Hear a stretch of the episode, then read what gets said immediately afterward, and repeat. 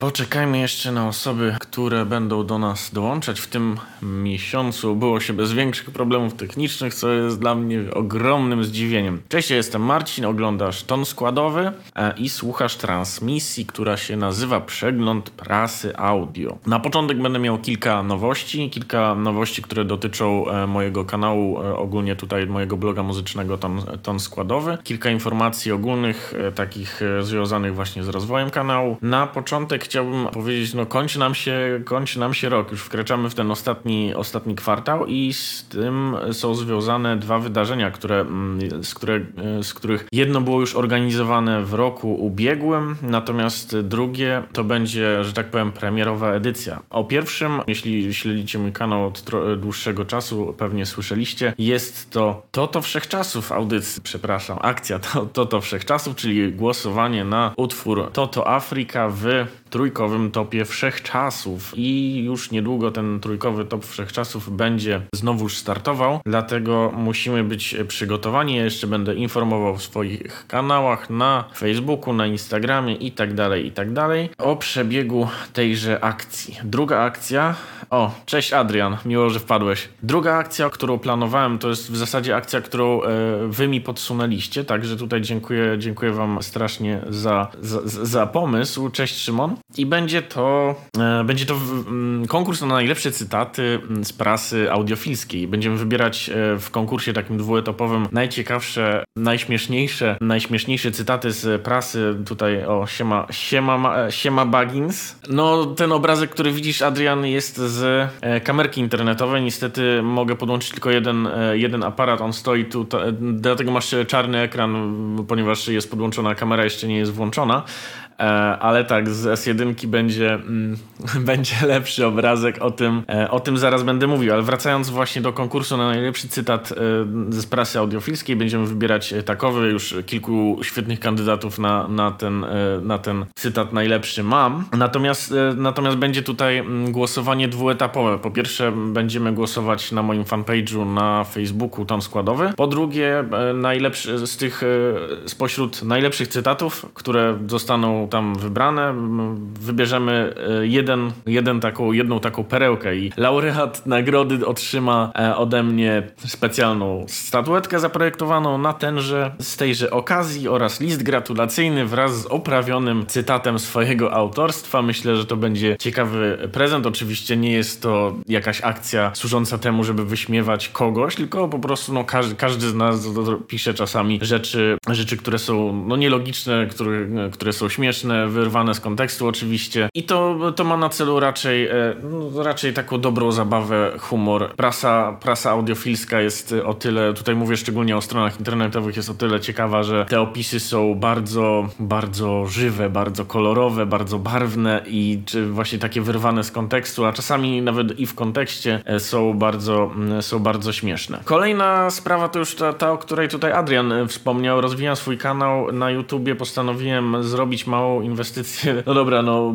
postanowiłem zrobić e, troszkę większą inwestycję w ten kanał i jak wiecie, miałem wcześniej problemy z tym, żeby obraz na moich, e, na moich vlogach był e, ostry. Jest to związane z tym, że korzystam z manualnych starych szkieł. Oczywiście one są bardzo fajne, jeśli stoi się za kamerą, ale jeśli stoi się przed kamerą, problem jest większy. Trudno złapać, złapać tę ostrość, dlatego też postanowiłem kupić obiektyw z autofokusem, ale postanowiłem pójść o krok dalej, kupiłem też e, nowy aparat. E, tutaj wam go e, pokażę. Pozdro pozdrowienia dla Adriana, który się, który się specjalizuje w fotografii, jest, jest wielkim fanem, pomógł mi też trochę w wyborze. I będziemy się widzieć w 4K już od przyszłego miesiąca, ponieważ jeszcze muszę, jeszcze muszę zainwestować w troszkę lepszy statyw, żeby tego bydlaka uciągnął. Uf. Dlatego też w tej transmisji wykorzystuję jeszcze starą, starą kamerę. W transmisjach live będziemy się ograniczać ograniczać do Full HD, to, to jest e, spowodowane głównie tym, że przystawka, która konwertuje obraz z kamery, przetwarza tylko e, obraz w Full HD, także to, mm, to się tutaj nie zmieni, natomiast reszta vlogów będzie już w 4K. I z tym, z tą inwestycją jest związana również y,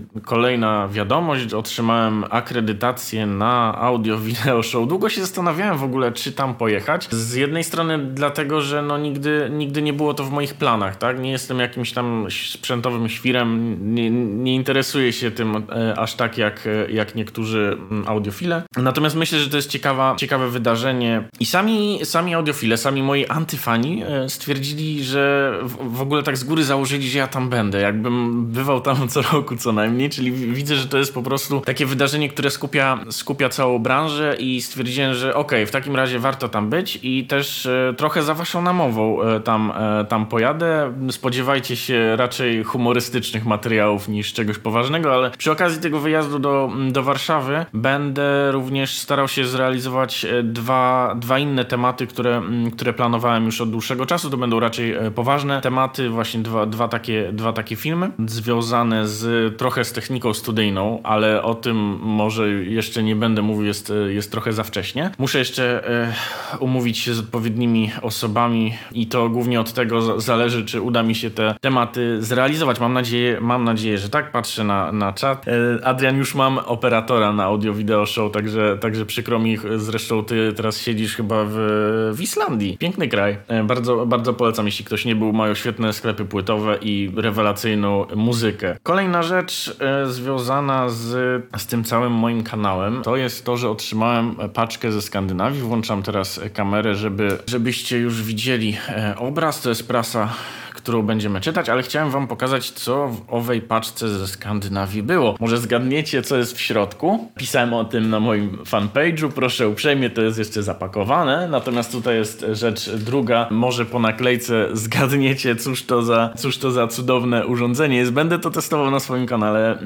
na YouTube, mam nadzieję, że już, już niedługo. Zamówiłem sobie kable Jack Cinch, żeby wykonać pomiary mojego sprzętu audio, ponieważ jest to trochę związane z w zasadzie trudno powiedzieć, e, to ma tłumić, to ma tłumić e, promieniowanie EMI, natomiast to ma tłumić wibracje. Drogie sklepy płytowe, no tak, e, Adrian, Adrian siedzi tam w, w tej Islandii i mówi, że te sklepy płytowe są drogie, to jest prawda. Kupiłem tam chyba najdroższy winyl w moim życiu z okazji Record Store Day. Kupiłem winyl artysty Junius Mavent. Bardzo świetny, świetny islandzki artysta, taki singer-songwriter, gitara, bardzo, bardzo, bardzo dobre instrumentarium. W ogóle poznałem tego artystę dzień wcześniej. E, pokazała mi go koleżanka, która, która mnie tam e, w Islandii gościła. Poszedłem do sklepu muzycznego i akurat było wydanie specjalne tego winyla i zapłaciłem za niego, za jednopłytowe wydanie, bez żadnego tam sliwa i tak dalej, zapłaciłem chyba w przeliczeniu no coś około 300 zł. Także jest to, jest to dosyć y, drogi sport tam na Islandii. Zresztą wszystko tam, wszystko tam jest drogie. Żeby w ogóle przywieźć tę płytę musiałem wywalić z mojego bagażu podręcznego spodnie, bo po prostu mi się nie, mieści, nie mieściło ale lubię takie, lubię takie historie. Także z nowości to jest e, wszystko, co wam chciałem e, przekazać. Przejdźmy do samego, samego przeglądu prasy audio. W tym, tym wrześniowym wydaniu będziemy się przyglądać to, co było opublikowane w magazynie audio wideo oraz hi-fi i muzyka. Nie zdecydowałem się na, na to, żeby kupić magazyn audio z dwóch względów. Po pierwsze dlatego, że wrześniowy numer był w, w całości, w większości poświęcony e, wystawie EIFA, której magazyn patronuje.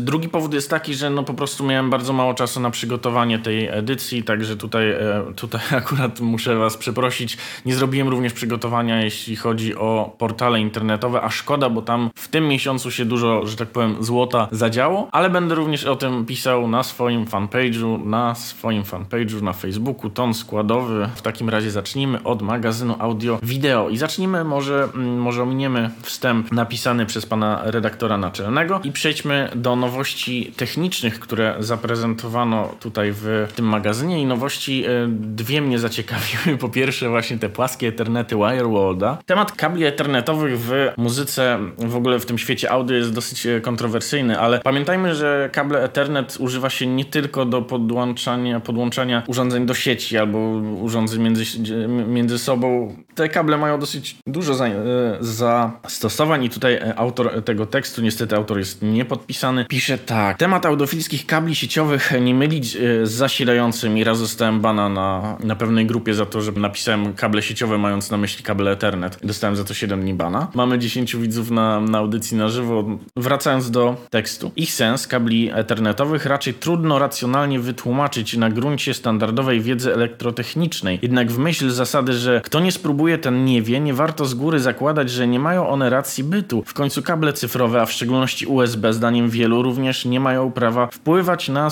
subiektywnie postrzeganą jakość dźwięku, a jednak to robią. Zanim więc, no to jest ta, takie dosyć mocne, mocne stwierdzenie, że, że jednak to robią, ale spotkałem się z wieloma głosami od ludzi właśnie nawet takich sceptycznie nastawionych do, do różnego sprzętu audio, że faktycznie kable USB mogą wpływać na, na jakość dźwięku. W ogóle chcę ruszyć w przyszłym roku z taką serią, gdzie będę merytorycznie mówił o kablach, bez żadnego już tak, że, że tak powiem śmieszkowania, o całym protokole, który jest wykorzystywany do, do przesyłu e, sygnału w danym kablu, bo, bo tych kabli jest e, multum kabli cyfrowych również. I może będę e, również testował taki przesył właśnie cyfrowy, głównie na, na tych kablach cyfrowych, cyfrowych chciałbym się skupić, ponieważ jest to bardzo ciekawe zagadnienie i myślę, że w wielu dyskusjach w internecie jest, jest to z obu stron trochę za bardzo spłycane, ponieważ no jasne, to przesyła dane cyfrowe, ale to nie, nie lecą jakby zera jedynki, one są reprezentowane prądem, tylko czy, czy to może być właśnie, czy, czy to jest argument mówiący za tym, że kable cyfrowe, kable USB brzmią, mają wpływ na brzmienie? No to jest, to jest rzecz, która no, chyba jeszcze nie była sprawdzona, także mam nadzieję, że w przyszłym roku ruszę z, z taką serią i będziemy to badać, ale właśnie zdziwiło mnie, że w artykule, no w takim newsowym, tak, nie powinno się po, po prostu wydawać jakichś osądów. I, i, i to mnie zdziwiło, że tutaj autor tego mimo że właśnie nie podpisuje się nazwiskiem, postanowił taki osąd wydać. A jednak to robią właśnie. Zanim więc wydamy negatywny werdykt na temat wpływu kabli internetowych na dźwięk, warto samemu spróbować i ocenić. Kable Wireworld z nowej serii 8 mogą być ciekawym przyczynkiem do dalszej dyskusji na ten temat, a zarazem dobrym pretekstem do tego, by jednak spróbować. Dlaczego? Wszystkie trzy modele z nowej serii 8 mają płaską e, konstrukcję opracowaną na podstawie testów porównawczych z kablami innych znanych i poważanych producentów, jak również wyniki porównań bezpośrednią transmisją wbudowanych w serwery dysków SSD oraz pendrive'ów. Zdaniem Davida Salca, właściciela i głównego konstruktora w firmie Wireworld, nowe kable izolują szumy i zakłócenia przedostające się do sieci komputerowej, minimalizując straty i gwarantując jakość dźwięku, która jest porównywalna z uzyskiwaną z lokalnego dysku SSD. Efekt ten osiągnięto poprzez stosowanie gęściejszego trójwarstwowego ekranu oraz poprawionego dielektryka. I dalej jest, e, dalej jest ocenie ty, tych kabli. Autor stwierdza, że jest ona dosyć, e, dosyć atrakcyjna, szczególnie dwa pierwsze modele, które są wykonane z miedzi. E, model Chroma 8 kosztuje 459 zł za metr, Ka każdy następny metr bieżący to koszt 70 zł i model Starlight 999 zł za metr. Kolejny metr bieżący kosztuje 280 zł. W ogóle ciekawe, że nie powiedziano jaka to jest kategoria kabla. Ja się domyślam, że ta ósemka to jest właśnie to, że, że, że jest to kabel kategorii ósmej, ale nie mam, nie mam potwierdzenia. Kategorie kabli Ethernet y, to też jest rzecz bardzo ważna, ponieważ y, faktycznie to ma znaczenie w przesyle, ale raczej na przepustowość samego, samego kabla i te kategorie szóste jeszcze może w domu, w domu się spotyka, ale siódemki, ósemki to już są raczej kwestie serwerowe, ponieważ one mają ciężkie gigabity mm, przesyłu i wątpię, żebyśmy w domu wykorzystali nawet procent możliwości takiego kabla. Następna nowość, e, o której mówiłem w poprzedniej edycji, e, edycji sierpniowej przeglądu prasy audio, to jest Nordost Q-Point i też zaciekawiło mnie to, w jaki sposób autor pisze o tym urządzeniu. E, sposobów na poprawę brzmienia systemów high-end wymyślono ty już tyle, że, że dałoby się stworzyć niemały album albo i małą encyklopedię. Pomysłowość producentów wydaje się nie znać granic. Gdy wydaje się, że wymyślono już wszystko, to pojawia się kolejne akcesorium z założeniem zaciekawienia kolejnej mniejszej bądź większej grupy napalonych audiofilów, gdy, jest, e, gdy jednak w sprawę angażuje się taka firma jak Nordos, kiedyś spec od kabli, a dziś także od przeróżnych akcesoriów, to można być, a może należy domniemywać, że produkt faktycznie zadziała. W ogóle nie podoba mi się to i powiem to otwarcie, że ktoś zakłada, że skoro firma robiła dobre kable, to będzie również, no to właśnie takie urządzenia również będą, będą działały. Zdarzały się już w historii sytuacje takie, że, że producenci wykorzystywali swoją wyrobioną już markę, żeby sprzedać e, rzeczy, które no właśnie, no, jak pamiętamy z poprzedniej edycji przeglądu prasy audio, to jest emiter po, jakby pola e, elektromagnetycznego, który ma synchronizować e, rezonanse wewnętrzne. No, jest to strasznie dziwne, nauka za tym stoi żadna i no właśnie. I dalej, dalej w ogóle autor pisze o tym bardzo ciekawą rzecz. Coupoint Resonance Synchronizer, to, bo tak brzmi e, pełna nazwa tajemniczego krożka za ponad 3000 zł, to generator słabiutkiego pola elektromagnetycznego, który jak czytamy w instrukcji manipuluje rezonansami elektromagnetycznymi w najbliższym otoczeniu, łącząc je w unisono. Używamy cytatu, bo sami nie mamy pojęcia o jakie rezonanse elektromechaniczne może tu chodzić, ani tym bardziej w jaki sposób da się na nie wpływać. Czy to się nie kłóci z tym, co było poprze poprzednio, że skoro to jest, e, że skoro to jest Nordos, to musi działać? No, nie wychodźmy z takich kurczę założeń. To jest prasa. Prasa powinna weryfikować takie rzeczy, powinna sprawdzać, sprawdzać to i mówić e, hola hola, no dobra, to sobie emituje ten, e, te pole elektromagnetyczne, ale co to robi? To jest niemierzalne. Nikt, nikt mnie nie przekona, że, że podłożenie takiego krożka, że za 3200 zł poprawi coś w brzmieniu. Przykro mi. Ja, ja jestem sceptykiem i wolę, że tak powiem, sprawdzić niż e, wysnuwać takie, takie osądy. Audiofile strasznie się boją tych, e, tych rezonansów elektromagnetycznych, e, właśnie stosują różnego rodzaju, o, wi, wi, widzę te, te cuda, różnego rodzaju zatyczki, żeby w ogóle nie wpuszczać tego promieniowania EMI do środka urządzeń i nagle podkładają coś takiego, tak, i jest dobre w ogóle promieniowanie EMI, które synchronizuje jakieś rezonansy. No kurde, bez jaj. Czytając dalej, skoro zdaniem wielu słynny kamień Shakti działa, a jest pasywny. W odróżnieniu od wynalazku Nordosta to może IQ Point czyni cuda. Przekonać się można tylko w jeden sposób, kładąc go pod wybranym urządzeniem. W ogóle tutaj wspomniano o kamieniu Shakti, o którym jeszcze nie pisałem na, na swojej stronie, ale wydaje mi się, że to zrobię. Jest to kamień, który nie wiadomo z czego jest wykonany, ale ma właśnie tłumić, pochłaniać fale elektromagnetyczne na jakiś, w jakiś właśnie dziwny sposób. Robi to pasywnie i producent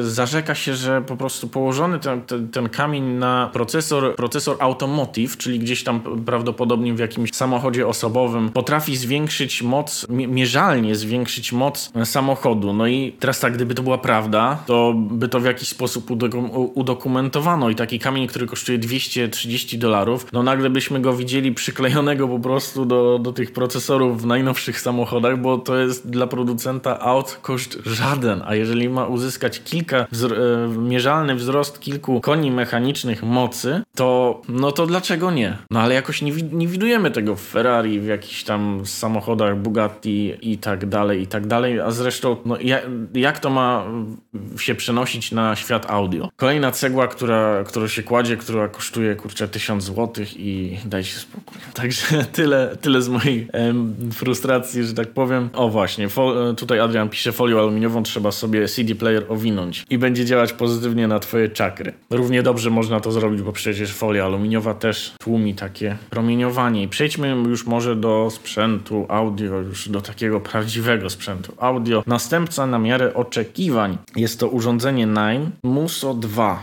Możecie sobie zadawać pytanie, a cóż to takiego? Czy to jest streamer? Otóż jest to urządzenie all-in-one z budowanymi głośnikami i to jest bardzo ciekawe i cyfrową symulacją DSP, która modeluje, modeluje brzmienie. Ja z DSP miałem już e, niezbyt pozytywne e, doświadczenia, co w moim ostatnim odcinku na YouTubie pokazałem, ale to, to były słuchawki, to jest trochę inna rzecz, natomiast tutaj mamy właśnie taki streamerek. Nowa wersja Naima Muso była wyczekiwana nie tylko przez fanów marki, biorąc pod uwagę uwagę znaczący wzrost ceny wobec poprzednika, należy się spodziewać wielu pozytywnych zmian. Sprawdźmy, czy nowy model jest faktycznie lepszy niż stary. Nowy model kosztuje 6000, tutaj sprawdzę, 499 zł, a więc jest to urządzenie raczej y, już z tej y, wyższej półki, jeżeli chodzi właśnie o jakieś urządzenia smart. Takie urządzenia, które można na przykład y, podłączyć do telewizora, bo to również może służyć za soundbar. 6500 zł jest, jest kwotą wysoką, szczególnie biorąc pod uwagę to, że wielu z nas ma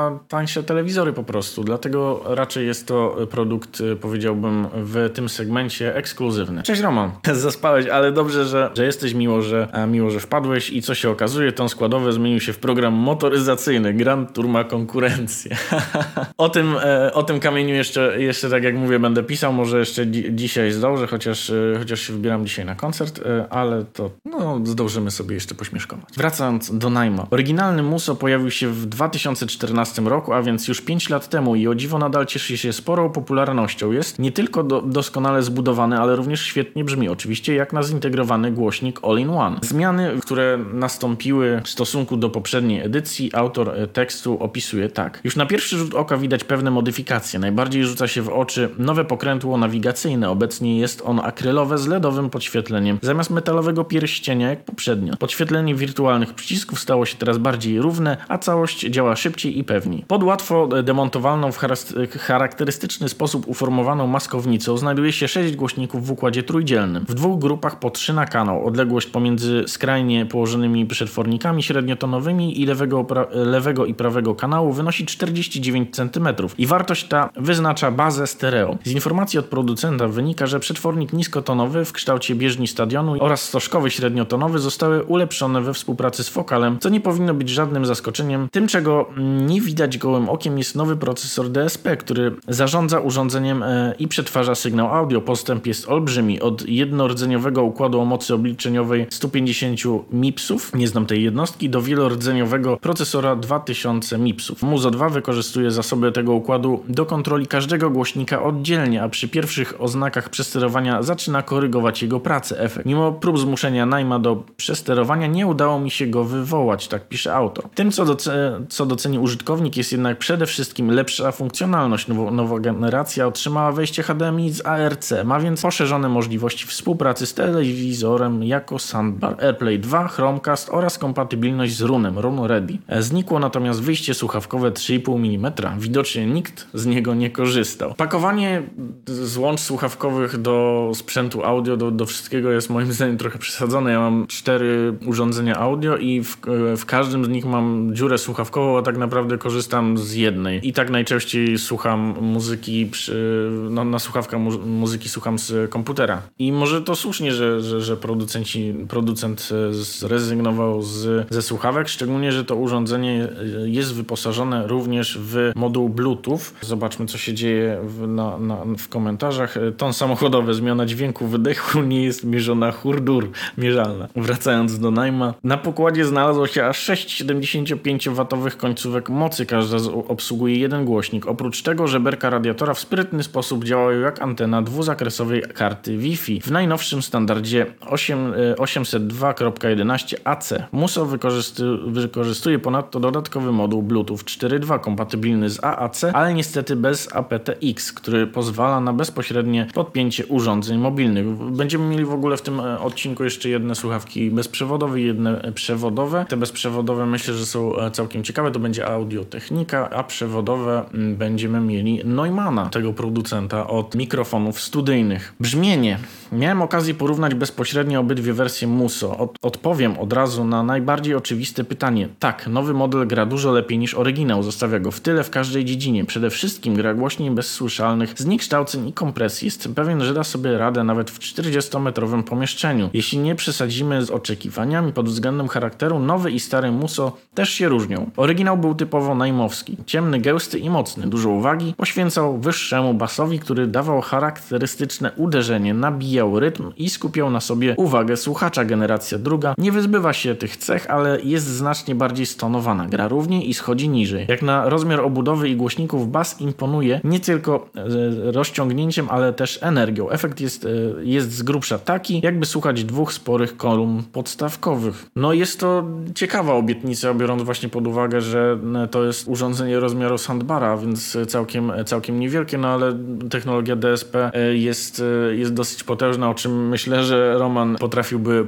powiedzieć więcej. W ogóle Roman jest jakby autorem całej ścieżki efektów, którą, którą tutaj zapinam w mojej audycji, żebyście mnie słyszeli dobrze. Także jeszcze raz dziękuję Ci, Roman, za, za, za pomoc w ukręceniu takiego fajnego brzmienia w moich audycjach. W porównaniu ze starym brzmieniem, e, przepraszam, star ze starszym bratem, testowany głośnik oferuje czystszą i zawierającą więcej informacji średnicę. Nie jest ona tak pogrubiona i nasycona, za to bardziej realistyczna, a w efekcie bardziej angażująca słuchacza. Tutaj jest w ogóle mm, druga e, opinia drugiego autora, ale w ogóle żaden z tych autorów nie podpisuje się mm, nazwiskiem pod, e, pod tym tekstem tak, tak naprawdę, dlatego myślę, że nie będę czytał drugiej opinii. Jest ona troszkę, troszkę inna, ponieważ drugi autor nie miał styczności z poprzednią wersją tegoż tego Naima i jeśli ktoś jest chętny do przeczytania więcej informacji o tym urządzeniu, znajdziecie we wrześniowym wydaniu magazynu audio wideo. Podsumowanie, które tutaj zaprezentował autor. Na pierwszy rzut oka nowy Muso wydaje się drogi, lecz po bliższym zapoznaniu udowadnia, że jest absolutnie wart swojej ceny. To jeden z najlepszych grając, najlepiej grających, najlepiej wykonanych i najbardziej funkcjonalnych głośników bezprzewodowych w swoim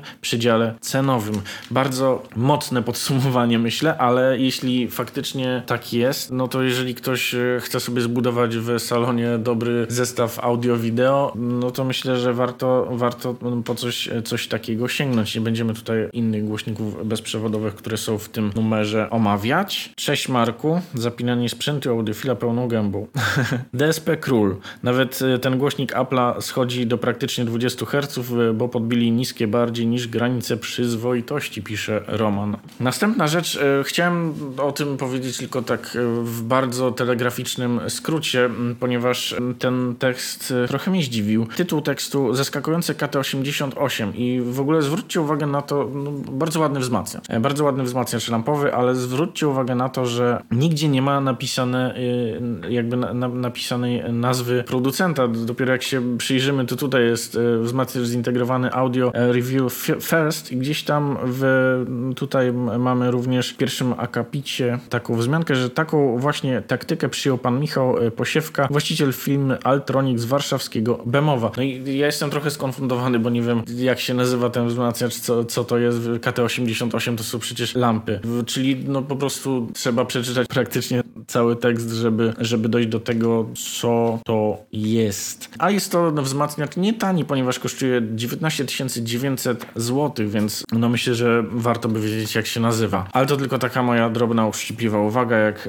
jak zwykle jestem, e, jestem uszczypliwy. Nowy gracz. Będzie również w tym odcinku o, o dwóch gramofonach. Jeden, jeden tańszy gramofon audiotechniki, drugi będzie trochę droższy. Ten, ten tańszy kosztuje około 1700 zł, żeby was nie okłamać. Sprawdzę dokładnie. 1749 zł. W ogóle jest bardzo ładnym. Strasznie mi się podoba design tej, tej audiotechniki, a drugi będzie w już magazynie Hi-Fi Muzyka. To będzie gramofon już taki high-endowy, bo kosztujący 40 tysięcy złotych. E, a więc raczej nic, e, nic dla mnie, ale poczytać zawsze warto. Nowy gracz. Tekst pana Ludwika Igielskiego. Wygląd i konstrukcja audiofilskich gramofonów, zwłaszcza tych tańszych, wynika z pewnych nispi, e, nispisanych reguł. Gramofon ATLPW40WN, a teraz spróbujcie to sobie zapamiętać i powtórzyć, jest pierwszym modelem audiotechniki wpisującym się bezbłędnie w ten schemat, pomijając może wbudowany przedwzmacniacz korekcyjny. To jest, to jest taki standard już, że się właśnie w tych nowych, w nowych gramofonach ładuje te przedwzmacniacze. No, jest to na pewno dobra rzecz dla osób początkujących z czarną płytą, ponieważ e,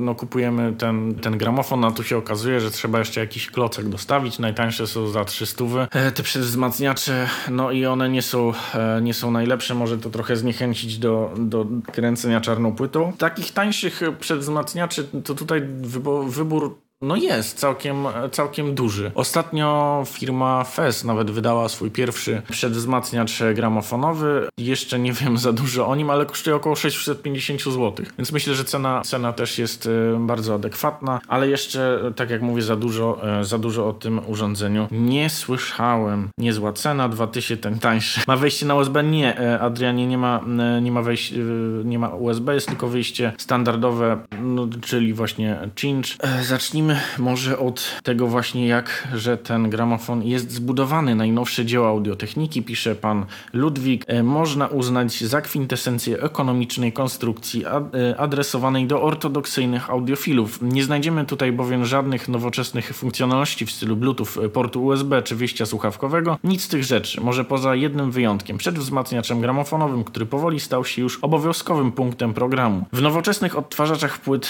winylowych, i tutaj podkreślam sobie cenę, żeby ją przekazać, ale już to zrobiłem, 1750 zł. W komplecie z gramofonem dostarczona jest preinstalowana wkładka AT-VM95E, drugi licząc od dołu model w nowej gamie przetworników e, VM95. Charakteryzuje się on diamentowym ostrzem o szlifie eliptycznym, wklejonym w osnowę trzonek i układ napędowy z podwójnym magnesem VM Stereo Dual Magnet. W układzie widłowym, który e, naśladuje ułożenie głowic nacinających ma matrycę w procesie zapisu płyty. Wkładki audiotechniki zwykło się porównywać, znaczy rozpoznawać po kolorze. Ta wkładka jest zielona, ale jest to mm, mocne nawiązanie albo wręcz następca y, wkładki gramofonowej AT95, którą miałem przyjemność albo nieprzyjemność mieć y, przez y, krótką chwilę. Jest to chyba, była to po prostu najtańsza wkładka gramofonowa, jaka, jaka chyba była produkowana. No, zostawiła ona na mnie bardzo negatywne, negatywne wrażenie. Była taka trochę ostra, krzykliwa, no ale szybko wymieniłem na, na, na jakiegoś vintage, vintage'owego szura, który w, w, dobrym stanie gra całkiem dobrze i nie mam już po prostu potrzeby wymieniać wkładki, ale myślę, że ta konstrukcja tylko z nazwy nawiązuje do starej audiotechniki i o tym też e, pisze dalej autor tekstu. Brzmienie. Dźwięk płynący z tego gramofonu zasługuje na bardzo dobrą notę. Co więcej, odnosi się wrażenie, że nie jest to bynajmniej przypadkowe połączenie. Ważne podkreślenie jest to, że użytkownik od razu niejako wchodzi na drugi poziom jakościowy. Darowany jest mu z urzędu etap grania z igłą sferyczną, co ma niebagatelne znaczenie dla uzyskanej estetyki brzmieniowej. Całościowo dźwięk określiłbym jako bardzo wyrównany i spójny. Dzięki temu brzmienie odbiera się jako pełne, dobrze zespojone i spokojne. To ciekawe, mimo bardzo umiarkowanej ceny tego gramofonu wraz z wkładką firmową nie odnotowałem żadnych wyostrzeń czy przetarć, co na niektórych nagraniach miało miejsce z poprzedniczką obecnej wkładki modelem AT95E, która miewała ciągoty do bycia bezlitośnie analityczną, a nawet momentami krzykliwą. Tutaj potwierdzam słowa autora, taka właśnie ta, e, ta wkładka była. W taki sposób mógłbym ją określić. Bardzo podoba mi się w ogóle e, konstrukcja tego gramofonu. Drewniana plinta, ramię, które jest wykonane z karbonu, prosta regulacja, ale już z możliwością regulacji i wymian, wymienną wkładką, co jest bardzo ważne, bo po prostu no, kupujemy sobie bazę, jeżeli jest dobra, jeżeli dobrze trzyma obroty, to możemy potem sobie zrobić taki mały upgrade i wymienić wkładkę i zawsze to będzie jakiś tam e, krok e, powiedzmy do przodu, a te wkładki no, nie, nie, są, e, nie są jakieś drogie. Oczywiście można kupić droższą niż, niż ten gramofon, ale myślę, że nie, nie będzie to zbyt sensowne rozwiązanie dla takiego sprzętu. Całościowe barwę dźwięku oceniam jako pastelową i łagodną, pisze pan Ludwik. Pastelową i łagodną zarazem, co znakomicie współgra z jego gładką fakturą przekazu. Poszczególne dźwięki mają wyraźny obrys krawędzi, lecz nigdy nie jest on przerysowany czy przekontrastowany pod względem gramatury ciężaru brzmienia. Konstruktorom udało się trafić w przysłowiową dziesiątkę. Nie jest ono ani zbyt lekkie, ani zbyt ciężkie, mimo że konsystencja należy raczej do tych gęstych, trochę zagmatwane. Niskie składowe są zdecydowane i zróżnicowane. Basy są właściwie artykulowane, choć nie do końca można je uznać za szybkie. Nie są zbyt szczupłe, ani też nie cierpią na któryś z syndromów kubła, studni czy poduchy. Rozbawiły mnie te syndromy kubła, studni i poduchy, ale chyba wiem o co autorowi chodziło. Jest to dosyć e, obrazowe, obrazowe przekazanie pewnych problemów właśnie z tymi e, dolnymi, dolnymi rejestrami. Ciekawy e, opis, bardzo obrazowy, chociaż no tak, tak jak powiedziałem też zagmatwany, myślę, że osoby, które mają większe doświadczenie z, z dźwiękiem po prostu będą wiedziały dokładnie o co owemu autorowi e, chodziło. Podsumowanie. Ładna rzecz i dobrze gra. Tak najbardziej lakonicznie można by podsumować nową propozycję japońskiej marki. To kolejny bardzo udany i niedrogi gramofon w coraz ciaśniej obsadzonym segmencie rynku, pisze pan Ludwik. Tak jak mówię, bardzo podoba mi się e, wygląd tego gramofonu. Ramię dosyć proste, konstrukcja no też, e, też, jest, też jest raczej prosta. Widzę, że tutaj nie dodają chyba, a przynajmniej nie ma na zdjęciu żadnej pokrywy, ale jest mocowanie na ową pokrywę, także, także w, w cenie kilkuset złotych myślę można taką e, pokrywę sobie nabyć i po prostu nie będzie nam się kurzył ów gramofon. Sprawdźmy e, co, co tam słychać na czacie. Roman pisze, że ATH LP5 ma USB, ale wyjście i preampy, napęd bezpośredni i ma sensowną regulację ramienia. To jest chyba, chyba mówiłem w jednym z poprzednich mm, o tym gramofonie. No jest to ciekawe, ciekawe rozwiązanie. Tutaj właśnie ominąłem chyba bardzo ważną część na temat napędu i tutaj staram się to znaleźć. Przełączenie napędu za pomocą, za pomocą pokrętła. Nie widzę, nie widzę. No cóż, nie ma. Nie mogę znaleźć. Napęd bezpośredni czy paskowy, no to jest odwieczny, odwieczny problem. Paskowy ma pewne, pewne zalety, bezpośredni też ma pewne zalety. Jest tylu zwolenników i tylu przeciwników zarówno jednego, jak i drugiego rodzaju napędu, ale to może może, może kiedy indziej. Przejdźmy do hi-fi i muzyki. I tutaj postanowiłem już z, z krótkim wstępem pana redaktora naczelnego, pana Macieja Stryjeckiego. Rośnie popularność kaset magnetofonowych, pisze w tekście od redaktora zatytułowanym Taśmy Prawdy. Taki tytuł kolejnego newsa w kolejnym portalu technologicznym nie mógł mnie pozostawić obojętnym. Pamiętam bowiem czasy, kiedy kaseta obok radia stanowiła dla mnie podstawowe źródło muzyki. Ile ja ich miałem? Kilka półek, a najwyższą zajmowały chromowe i nieliczne metalowe. I ominę tutaj większość, większość tekstu, jest, jest on całkiem ciekawy. Myślę, że pan, pan Maciej ma dobre pióro, także jeśli ktoś jest zainteresowany, to zachęcam do wrześniowego e, numeru Hi-Fi i muzyka. Ale to co, to, co mnie zaskoczyło, tutaj dwie ciekawe informacje znalazłem. E, pierwsza jest, e, do, dotyczy jakby nakładów samych kaset. Bardzo ciężko jest znaleźć podobne informacje gdzieś w źródłach pisanych, także, także jest to dosyć cenna informacja dla mnie. Niektórzy dziennikarze głęboko niespecjalistyczni wspominają o cudownej jakości taśmy, ale chyba nie bardzo wiedzą o czym mówią. Jeśli myślą o szpuli, czyli nośniku o szerokości 1,4 cala i prędkości przesuwu 38 cm na sekundę, to zgoda. Standardowa kaseta dla porównania ma 15 setnych cala i 4,76 cm na sekundę przesuwu taśmy. Jednak nie łudźmy się, takie magnetofony będą do złudzenia, przepraszam, będą z założenia i technicznej konieczności bardzo drogie, a szpule do nich dostosowane droższe od płyt longplay. A mówimy przecież o kasetach, czyli synonimie tan taniości. Przypomnijmy, że niskie ceny brały się z gigantycznych nakładów. Na, na, naszym rynku obrazuje to najlepiej fenomen disco polo. W ciągu jednego dnia jeden sklep potrafił upłynnić 5000 sztuk hitowej pozycji. Jak mawiają, to było jednak dawno i nieprawda, bo dzisiaj tytuł złotej płyty w kategorii rozrywka otrzymujemy za 10 tysięcy sprzedanych egzemplarzy. Produkcja czystych kaset, żelazówek, podstawowych modeli sięgała w najlepszych czasach setek milionów rocznie. To seni wrati. Zresztą chyba nikt tego nie oczekuje oczekuje. Bardzo ciekawa informacja. 5000 dziennie w, w jeden dzień e, potrafił sklep e, upłynnić, ale no faktycznie było to cholernie tanie i właśnie to jest główna zaleta kasety mm, kompaktowej. Dalej pan Maciej pisze, tak, nowych czystych nośników nikt nie produkuje, chyba że przeoczyłem, ale szukałem długo, nagranych też. Sytuacji nie ratuje album Eminema,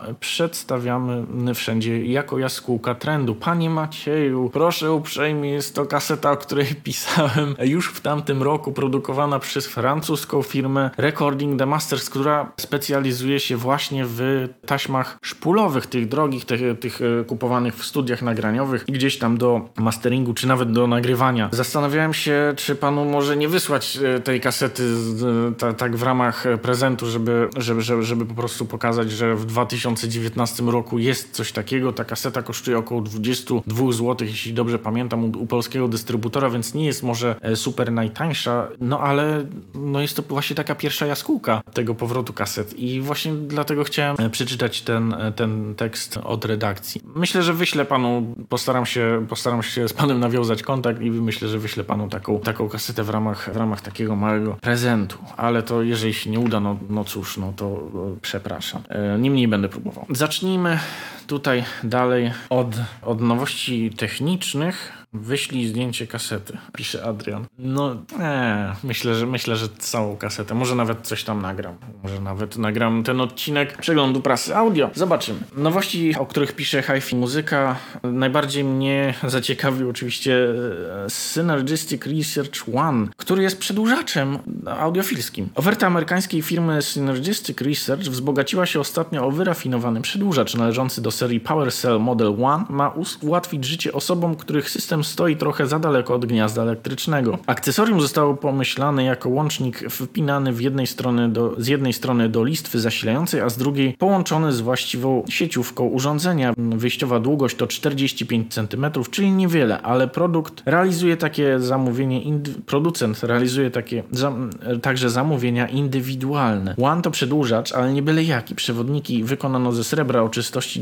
99,999%, a obudowę gniazd starannie wykończono włóknem węglowym. Wewnątrz umieszczono trzy aktywne filtry redukujące wpływ zewnętrznych zakłóceń na jakość przesyłanego zasilania. Dzięki temu One nie tylko efektownie wygląda, ale także powinien efektywnie działać, nie ograniczając przy tym przepływu prądu. Ta ostatnia cecha jest niezwykle istotna, ponieważ akcesorium powstało z myślą o wzmacniaczach mocy. Zwykle to bowiem one lądują dalej od źródła zasilania, ponieważ nie są wpięte do kondycjonera, tylko podłączone bezpośrednio do gniazdka w ścianie. Jest to e, ciekawy zwyczaj, który właśnie praktykują mm, audiofile. Niektórzy, bo nie mówię, że wszyscy, ale faktycznie spotkałem się z taką, z taką oceną właśnie, że lepiej właśnie ten, tę końcówkę mocy wpiąć e, do, do gniazdka. Oczywiście trudno to, to udowodnić, ale trudno również e, tę tezę obalić. Nic nie stoi jednak na przeszkodzie, by przedłużacza używać z innymi urządzeniami. Napięcie przefiltrowane przez aktywny układ Synergistica z pewnością im nie zaszkodzi. PowerCell One jest produkowany ręcznie w fabryce firmy Synergistic Research w Kalifornii. Pierwszą dostawę do Polski zaplanowano na wrzesień 2019. Importer skalkulował cenę na 4680 zł za sztukę. A ja przed chwilą mówiłem, że głośnik All-in-One za 4000 jest drogi. No ale to jest inna, e, inna półka cenowa i zupełnie inny target tegoż, e, tegoż cuda. Przejdźmy dalej. E, słuchawki, o których wspominałem już, to jest audiotechnika i znowu trudna nazwa do zapamiętania, ale no jeśli ktoś zna klucz na nazewnictwa tych, tych urządzeń, danych producentów, to staje się to trochę łatwiejsze. Ja na przykład wolę, jeżeli tak jak na przykład Focal, ktoś nazywa, producent nazywa swoje słuchawki, no po prostu nadaje im jakąś, jakąś łatwą do zapamiętania nazwę. Tutaj mamy model Audiotechnika ATH SR50 BT, BT, czyli Bluetooth i są to właśnie słuchawki bezprzewodowe, tylko że nauczne. Przesunę wam to tak, żebyście mogli sobie zobaczyć te słuchawki w pełnej krasie. Budowa. Omawiane słuchawki występują w kolorze szaro-brązowym albo czarnym. Mimo, że czu, czuję lekką awersję do jasnych nauszników, bo szybciej się brudzą, to w tym przypadku przy ciemnych bym się nie upierał. ATH SR50 Bluetooth są dość duże i w jaśniejszym wykonaniu po prostu mniej rzucają się w oczy. Spacerując w nich poza domem nie wyglądałem jak piąty teletubiś. Halo, halo, czy jest na sali autor fanpage'a trzy szóstki? Obrażają. Oczywiście żartuję. Obszerne poduchy otaczające małżowiny or e, oraz miękki pałąk obszyto mięsistą sztuczną skórą. Z identycznego materiału wykonano duży worek transportowy. Dzięki zastosowaniu tworzyw sztucznych słuchawki są dość lekkie i wygodne. Nawet po kilku godzinach użytkowania nie wywołują dyskomfortu. Mówimy tu w ogóle o słuchawkach e, bezprzewodowych Bluetooth, czyli takich właśnie do urządzeń smart. E, jednak nie jest to też ta najniższa półka, ponieważ te audiotechniki kosztują 999 zł, ale jeśli ktoś posiada na przykład iPhone'a, gdzie taki telefon kosztuje złotych około 4000, to myślę, że no, no to jest raczej ten target. No bo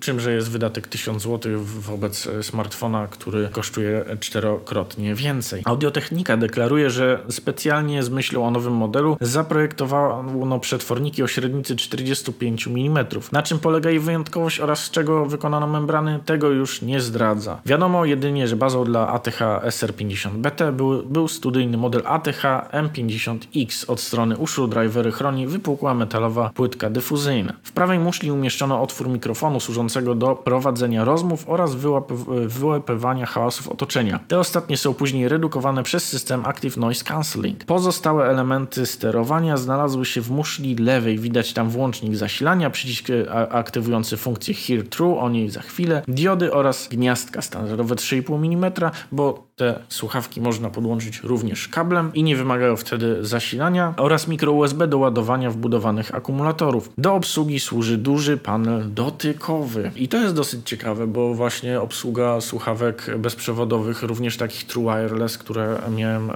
przy, przyjemność w tamtym, nie wiem, w tym miesiącu testować, jest ciekawa i przyciski, no to już jest trochę pieśń przeszłości, natomiast panel dotykowy jest rozwiązaniem bardzo ciekawym i bardzo wygodnym. Ciekawe, jak się mają do Sony 1000 Mark III. Nie znam tego modelu, powiem Ci szczerze. Tutaj, tutaj padło pytanie, czy nie ma nic o kodekach. Jest i właśnie do tego przechodzimy. ATH SR50BT wyposażono w moduł Bluetooth w najnowszej wersji 5.0 z kodekami aptX, AAC oraz SBC. I chyba najważniejsze, że jest ten kodek aptX, ponieważ słyszałem, że on, no jest to, nie wiem czy najbardziej zaawansowane rozwiązanie Bluetooth, ale w każdym razie jest to rzecz bardzo poszukiwana w takich słuchawkach Bluetooth. Nie wiem dlaczego nie miałem jeszcze okazji sprawdzić, e, czym że jest ten aptX. Może w przyszłości kiedyś sprawdzę. Na początku autor pisze o swoich wrażeniach odsłuchowych z kablem. Przed słuchaniem zafundowałem audiotechnikom zwyczajowe kilkadziesiąt godzin rozgrzewki. Po kilku dniach postanowiłem zabrać je z sobą do pracy i od razu z kucha. Przed wyjściem z domu nie sprawdziłem stanu naładowania baterii, więc chwilę po zajęciu przeze mnie miejsca w autobusie w słuchawkach zapadła niepokojąca cisza. Na szczęście miałem ze sobą kabelek, więc podłączyłem słuchawki bezpośrednio do telefonu. Teoretycznie wybrałem opcję najgorszą z możliwych, ale niemal natychmiast przeżyłem ogromne zaskoczenie. Następnie przyjechałem z rozdziawioną gębą ze trzy przystanki, czegoś takiego po przenośnych nausznikach połączonych do smartfona się nie spodziewałem. ATH SR50BT od pierwszych chwil zaprezentowały zaskakującą czystość, szybkość i szczegółowość. Na dodatek okraszoną fenomenalną w tej cenie stereofonią. Gdyby ktoś mi powiedział, że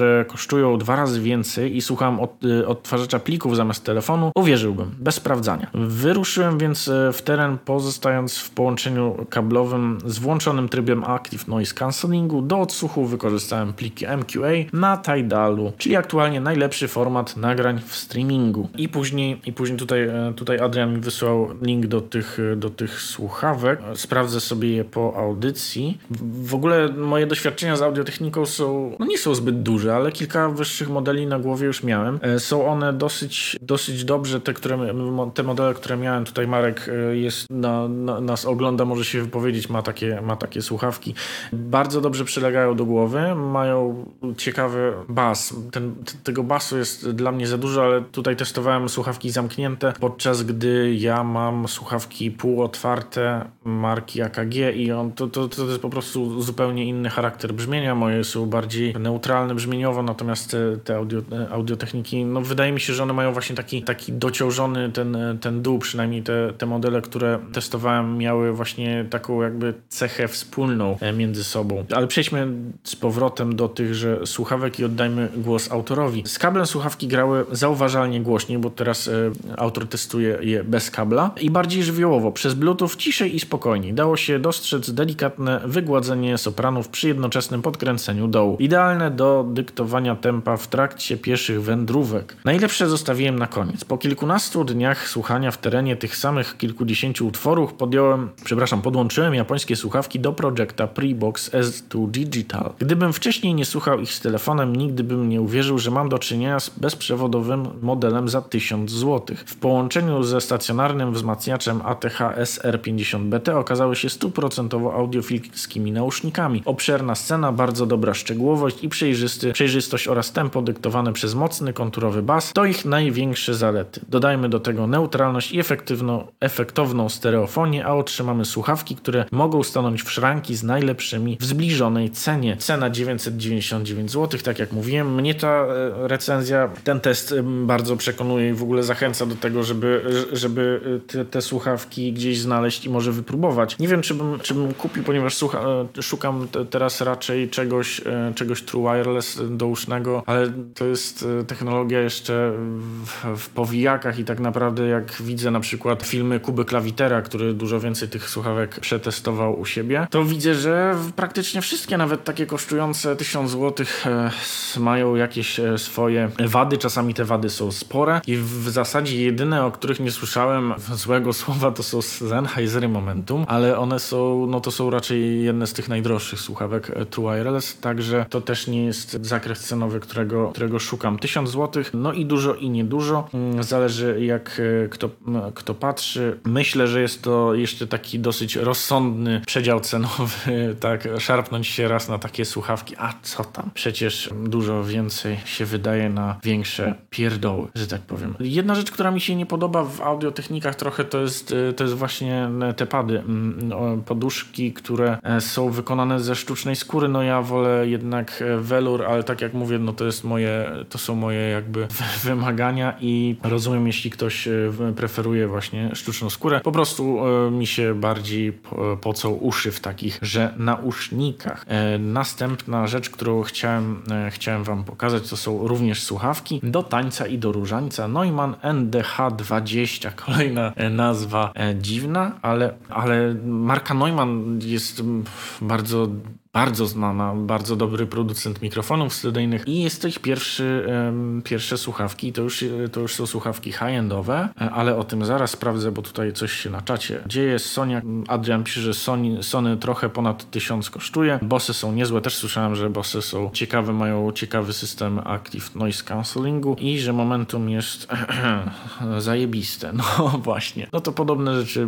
słyszeliśmy. Ja mam nadzieję, że kiedyś będzie mi dane wypróbować właśnie właśnie Sennheiser Momentum w tej wersji True Wireless, ale wróćmy do Neumana. Gork Neumann GmbH, Neumann Berlin, to firma audiofilem mało znana. No chyba, że mają zazwyczaj, przepraszam, mają zwyczaj studiować okładki starych winyli. Jeszcze w latach 60. XX wieku istniał zwyczaj omawiania technicznej strony nagrań, dziś już zanikający. A w tej rubryce często pojawiały się nazwy takie jak Neumann U47, U49, U67 czy U87. Wbrew e, pierwszym skojarzeniom to nie są okręty podwodne, lecz mikrofony, które zawoj zawojowały świat realizatorów dźwięku. Uznawano je za wzorce, na nich uczyli się studenci wydziałów reżyserii dźwięku, o ile uczelnia mogła sobie na to pozwolić, bo te mikrofony są bardzo drogie. Po to, by później spotkać się z nimi w najbardziej renomowanych studiach nagraniowych. Tak, to jest bardzo renomowana firma. W ogóle pójście jak ładne są te słuchawki, bardzo mi się, bardzo mi się podobają. A bardzo mi się podoba to, że mają welurowe pady, są one składane,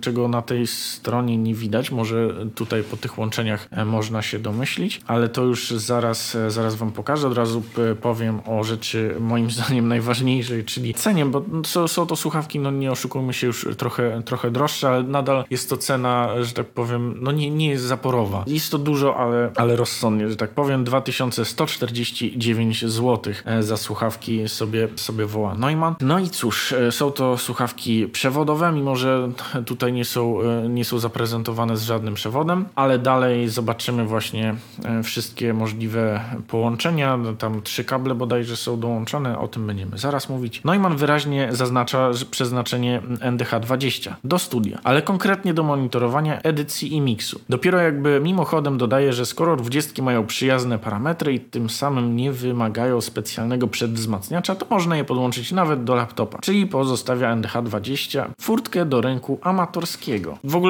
audiofile często jakby źle patrzą na, na sprzęt studyjny, mówiąc, że jest, jest on mało muzykalny. Tak, e, tak na przykład właśnie monitory studyjne mają, no cóż, no mają one pe, pe, pewną charakterystykę brzmieniową. Bardzo często no, są inaczej konstruowane, zasilane bywają e, często aktywnie, jest, jest to inna rzecz. Ciekawe jak się to, e, jak, jak to ma przeniesienie właśnie na ten rynek słuchawkowy. Budowa. Neumann NDH20 to zamknięte słuchawki wokół uszne. Wyglądają bardzo dobrze i pomimo profesjonalnego rodowodu mogą konkurować z produktami designerskimi. Pokazałem NDH20 kilku osobom i mówiły zawsze to samo. Piękne. Pomijając gusta, należy zauważyć, że sprawiają wrażenie solidnych i niemal przeciwpancernych i zupełnie takie są, bo długowieczność, bezawaryjność i odporność na nonszalanckie traktowanie w studio nikt się z nimi pieścić nie będzie, to priorytety realizatorów. Myślę, że słuszna uwaga. Nikt, nikt nie będzie tego odkładał do jakiej, jakiejś, jakiegoś etui. Ja mam wieszak na słuchawki, ale aktualnie nie mam go zamontowanego, bo nie, nie, mam, nie mam po prostu miejsca. No ale w studiu po prostu często no, nie ma gdzie nie ma też kiedy, no to jest narzędzie pracy. Muszle zrobiono z aluminium. Słuchawki są składane, rozwi Rozwiązanie złamanymi końcówkami pałąka e, przypomina patent ultrasony. Można też obrócić muszle tak, by leżały płasko. Szkoda, że w komplecie zabrakło futerału, bo nie sądzę, aby dźwiękowcy chcieli trzymać e, tekturowe e, opakowanie. Jest wprawdzie solidne, ale konkurencja potrafi zaoferować mniej prowizoryczne nosidełka. Tylko, że za te nosidełka zazwyczaj się dopłaca jakiś tam procent ceny. Nie wiem, może to jest, może to jest dobre. Gdyby jakość brzmienia była wystarczająca, to myślę, że przebolałbym E, brak, e, brak etui. Dalej czytamy o słuchawkach, tak, NDH20. W ogóle zapomniałem wam powiedzieć, e, ten tekst napisał pan Maciej Stryjecki, czyli właśnie redaktor naczelny. Pan Maciej dalej pisze tak, NDH20 są dość ciężkie, blisko 400 gram bez kabla, ale wygodę użytkowania mają zapewnić ciekawe, zapro ciekawie zaprojektowane poduszki. Welurowe obszycie jest chyba lepsze od skórzanego, bo mniej się poci. Pocimy, ważniejsze wydaje się jednak to, że poduszki zrobione z bardzo gęstej pianki termoelastycznej. To dokładnie taki sam materiał materiał jak stosowany w wierzchniej warstwie drogich materacy. Ciekawe porównanie. Wierzchnia warstwa drogich materacy, ale spójrzmy jeszcze na, na kable, które są dołączone do tych słuchawek. Pierwszy e, od, odłączany e, standardowy przewód prosty, drugi spiralnie zwinięty i tutaj, aha, i trzeciego nie ma, to jest po prostu przejściówka z dużego na mały, z małego na duży jack, która jest dołączona do zestawu. Tutaj dalej pan Maciej pisze o, o zaletach właśnie tej, tejże pianki termoelastycznej, zaletach nawet zdrowotnych, także jeżeli ktoś chce poczytać o tym, zapraszam, zachęcam do czytania wrześniowego wydania hi-fi i muzyki. No, ale przejdźmy do tego, co mi się lubią najbardziej, czyli do wrażeń odsłuchowych. Odsłuch słuchawek studyjnych powinien się rozpocząć od klasyki, twierdzi pan Maciej. Ale świeżo po kontakcie z audiotechnikami serii 1000, otwarte i zamknięte, postanowiłem pójść tym samym tropem i, i na początek zaserwować mocne brzmienia w szufladzie. Odtwarzacza wylądował krążek Dream Theater. Szacun. Z początku dźwięk wydawał się uspokojony, nie tak energiczny jak w zamkniętych ATH e, A1000Z, ale po kilku minutach e, wszystko się wyjaśniło. Neumany mają mocniejszą podstawę basową, przez co brzmienie odbieramy jako mniej agresywne i cieplejsze. Nie można mówić jednak o ekspozycji tego zakresu, bo stopa i gitary nie dominują nad resztą. No właśnie, bo przy takich ciepłych zwykłych słuchawkach zazwyczaj to brzmienie się zlewa, dlatego tutaj y, może nie, nie tyle jestem w obawie, ale bo są to jednak słuchawki studyjne, czyli powinny mieć tę charakterystykę dosyć, e, myślę, płaską. O czym nam zaraz e, pan Maciej powie. Dynamika nie zachwyca, pisze autor. Znam sporo nauszników, które zaprezentują ten materiał bardziej efekt, efektownie i koncertowo. Mimo to Neumanny trzymają dobry poziom, nawet w cenie 2000 zł. Można oczekiwać więcej, ale przeważnie kosztem czegoś po kolejnych e, kilkunastu 15 minutach jesteśmy w stanie określić, czym jest owo coś, przejrzystością i powiązaną z nią precyzją. Zwykle pomaga ekspozycja wysokich tonów, ale tutaj jest inaczej. Pasmo sprawia wrażenie wyrównanego, a mimo to słuchawki bez trudu prześwietlają fakturę skomplikowanych aranżacji. Można śledzić pojedyncze ścieżki, rozbierać akordy na składniki i rozpisać przebieg harmoniczny. Myślę, że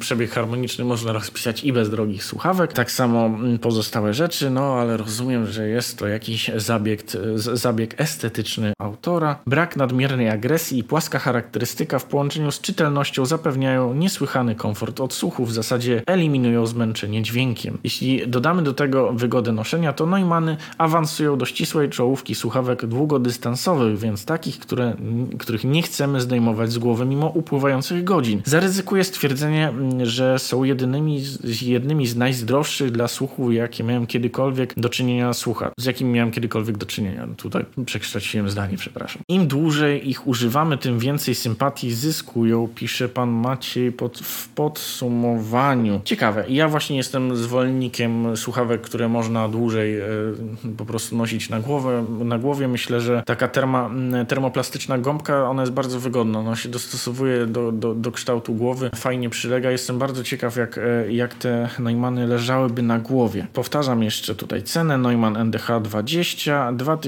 2149 zł.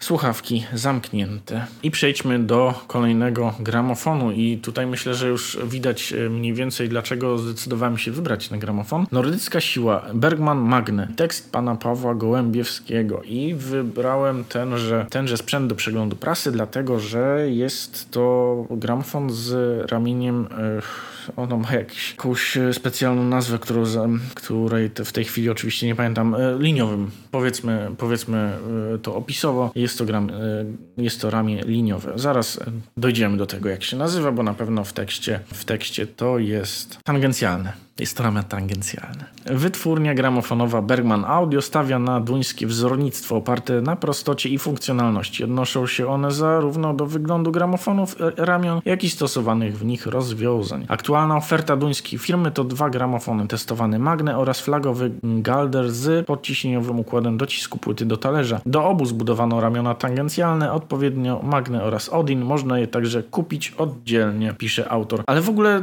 tutaj z tego fragmentu wynika właśnie, że ten podciśniowy układ docisku płytu, płyty do talerza jest tylko w tym drugim e, gramofonie, w tym, w tym droższym i nie tym, który jest e, testowany w tymże, e, w tymże numerze magazynu HiFi i Muzyka. Jednak jak się przyjrzymy tutaj bardziej na tą, tę drugą stronę, postaram się wam to zwinąć, to to ciemne urządzenie jest, jest pompą. Jest pompą, która pomaga przesuwać ramię, ale również z tego co zrozumiałem, właśnie dociskać dociskać, płytę do talerza, czyli przesyzać ją. Ciekawe rozwiązanie, ale zwróciło moją uwagę jeszcze, e, jeszcze to, że autor zwrócił uwagę na to, że zasilacz do tej pompy jest nieprzystający. Ciekawe stwierdzenie. I już od razu mówię o cenie. To, to w, w poprzednio o niej wspominałem, jeżeli ktoś nie pamięta, 40 tysięcy złotych, a więc jest to gramofon high-endowy. Typowo high-endowy, raczej nie dla śmiertelników, że tak powiem. I jest to gramofon paskowy, ale ma y, ten pasek jest schowany pod, pod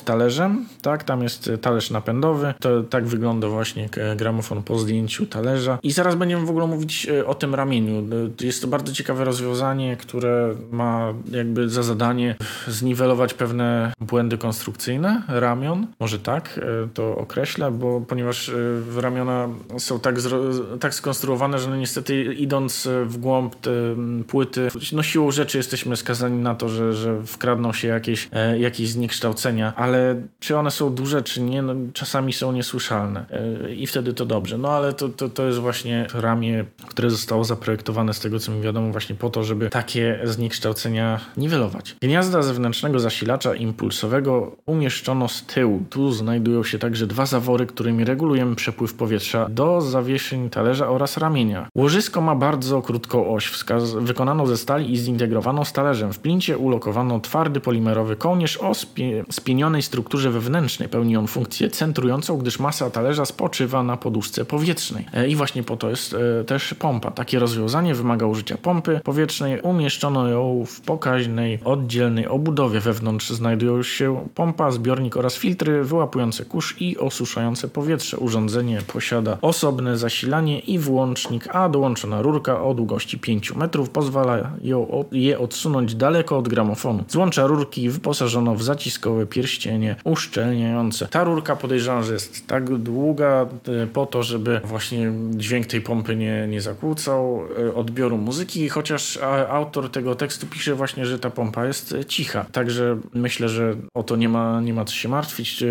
Tutaj jest komentarz. Szkoda, że miks winylowy nie jest dostępny na innym medium, tylko jako taki winyl jest niestety nie najlepszy. No jest to nośnik, który ma swoje, swoje błędy, swoje swoje minusy i to te minusy są duże. No niestety nośnik, niestety albo stety nośnik cyfrowy jest dużo, dużo bardziej wierny oryginałowy, high fidelity, wysoka wierność. Chyba o to chodzi. Ale mimo wszystko no, no, czarne płyty mają jakiś swój urok i myślę, że przyciągają do siebie tym, że po prostu słuchanie ich to jest rytuał.